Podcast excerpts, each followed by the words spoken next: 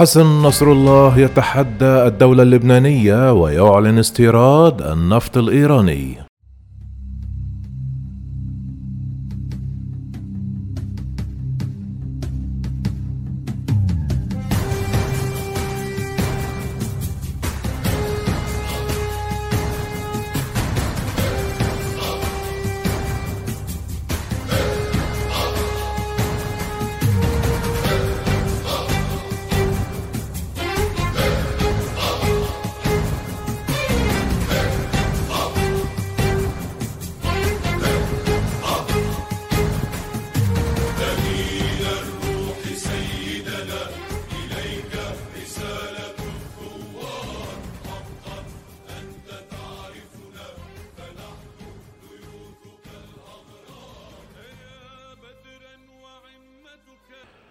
أصر زعيم حزب الله حسن نصر الله يوم الأربعاء في خطاب ينظر إليه على أنه تحد للدولة اللبنانية والولايات المتحدة على أن لبنان يجب أن يتفاوض مع إيران لشراء البنزين والديزل بالعملة اللبنانية إذا استمر النقص في لبنان.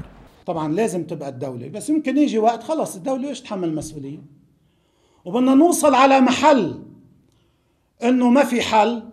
وهذا الذل بده يستمر. أنا من هلأ بقول لكم نحن حزب الله. حنروح على إيران. نتفاوض مع الحكومة الإيرانية. وهن قبلانين. ونشتري بواخر نفط بواخر بنزين. لأنه نفط إذا جبنا ما في هون يبدلوه.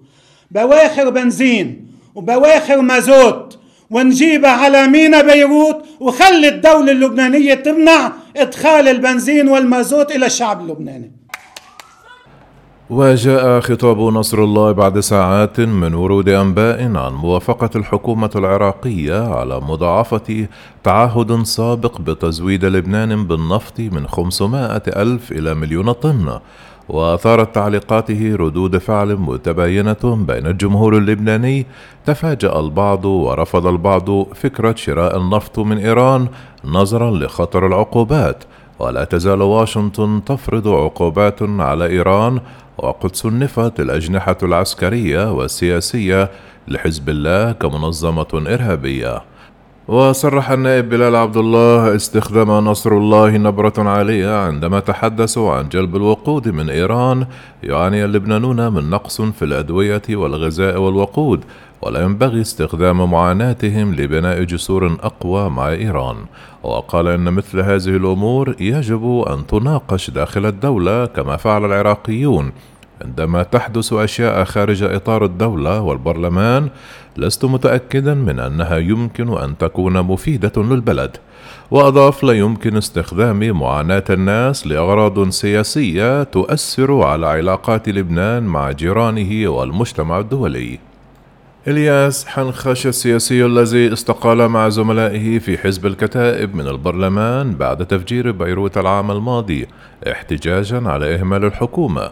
قال إن حزب الله يسيطر على جميع أصول الدولة بما في ذلك المعابر الحدودية غير الشرعية والتسهيلات القانونية وهو مسؤول غطاء للمافيا الفاسدة.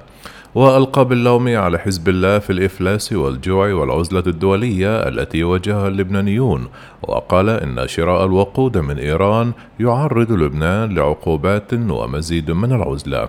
وأضاف من الأفضل لهم إدخال الوقود مباشرة إلى سوريا ووقف التهريب من لبنان إلى سوريا. نعرف بالضبط من يقف وراء تهريب البضائع المدعومة من لبنان الأمر الذي أزل اللبنانيين المنتظرين في طوابير لا تنتهي عند محطات الوقود لملء سيارتهم. وخلال خطابه حاول حسن نصر الله إظهار التعاطف مع الجمهور اللبناني بالقول إن إذلال الناس أمر غير مقبول وشكر رئيس مجلس النواب اللبناني نبيه بري رئيس الوزراء العراقي مصطفى الكاظمي على موافقة حكومته على دعم لبنان بالوقود وزيادة الدعم من 500 ألف طن إلى مليون طن لتلبية نصف احتياجات لبنان السنوية من الوقود. كان مصرف لبنان رفض فتح خطوط ائتمان لدفع ثمن واردات الوقود مما أدى إلى أزمة الكهرباء. وقال مارك أيوب الخبير في شرق الطاقة في لبنان والشرق الأوسط في ظل غياب الحلول السياسية للأزمة الحالية. لا يمكن لأحد أن يعارض لجوء لبنان إلى دولة أجنبية لتأمين الوقود وتجاوز هذه الفترة الصعبة. لكنه قال إن اقتراحي نصر الله بالعمل مع النظام الإيراني هو تحد لمن يريد مساعدة الشعب اللبناني. وقال لبنان في حالة طوارئ وإذا لم نحصل على الدعم الذي نحتاجه فسوف يغرق البلد قريبا في ظلام دامس وسيعزل تماما عن بقية دول العالم. وأشار نصر الله بشكل غير مباشر الثلاثاء إلى أن تشكيل حكومة جديدة سيستغرق وقتا طويلا محطما آمال نجاح جهود بري للتوسط بين رئيس الوزراء المكلف سعد الحريري ورئيس التيار الوطني الحر جبران باسيل. واستقالت الحكومة اللبنانية السابقة في أغسطس من العام الماضي وسطب غضب شعبي من انفجار الرابع من أغسطس في ميناء بيروت الذي دمر جزءا كبيرا من المدينة. ولم يتمكن الرئيس ميشيل عون والحريري من الاتفاق على تشكيل حكومة جديدة إذ يختلفان حول من يجب أن يسمي الوزيرين المسيحيين.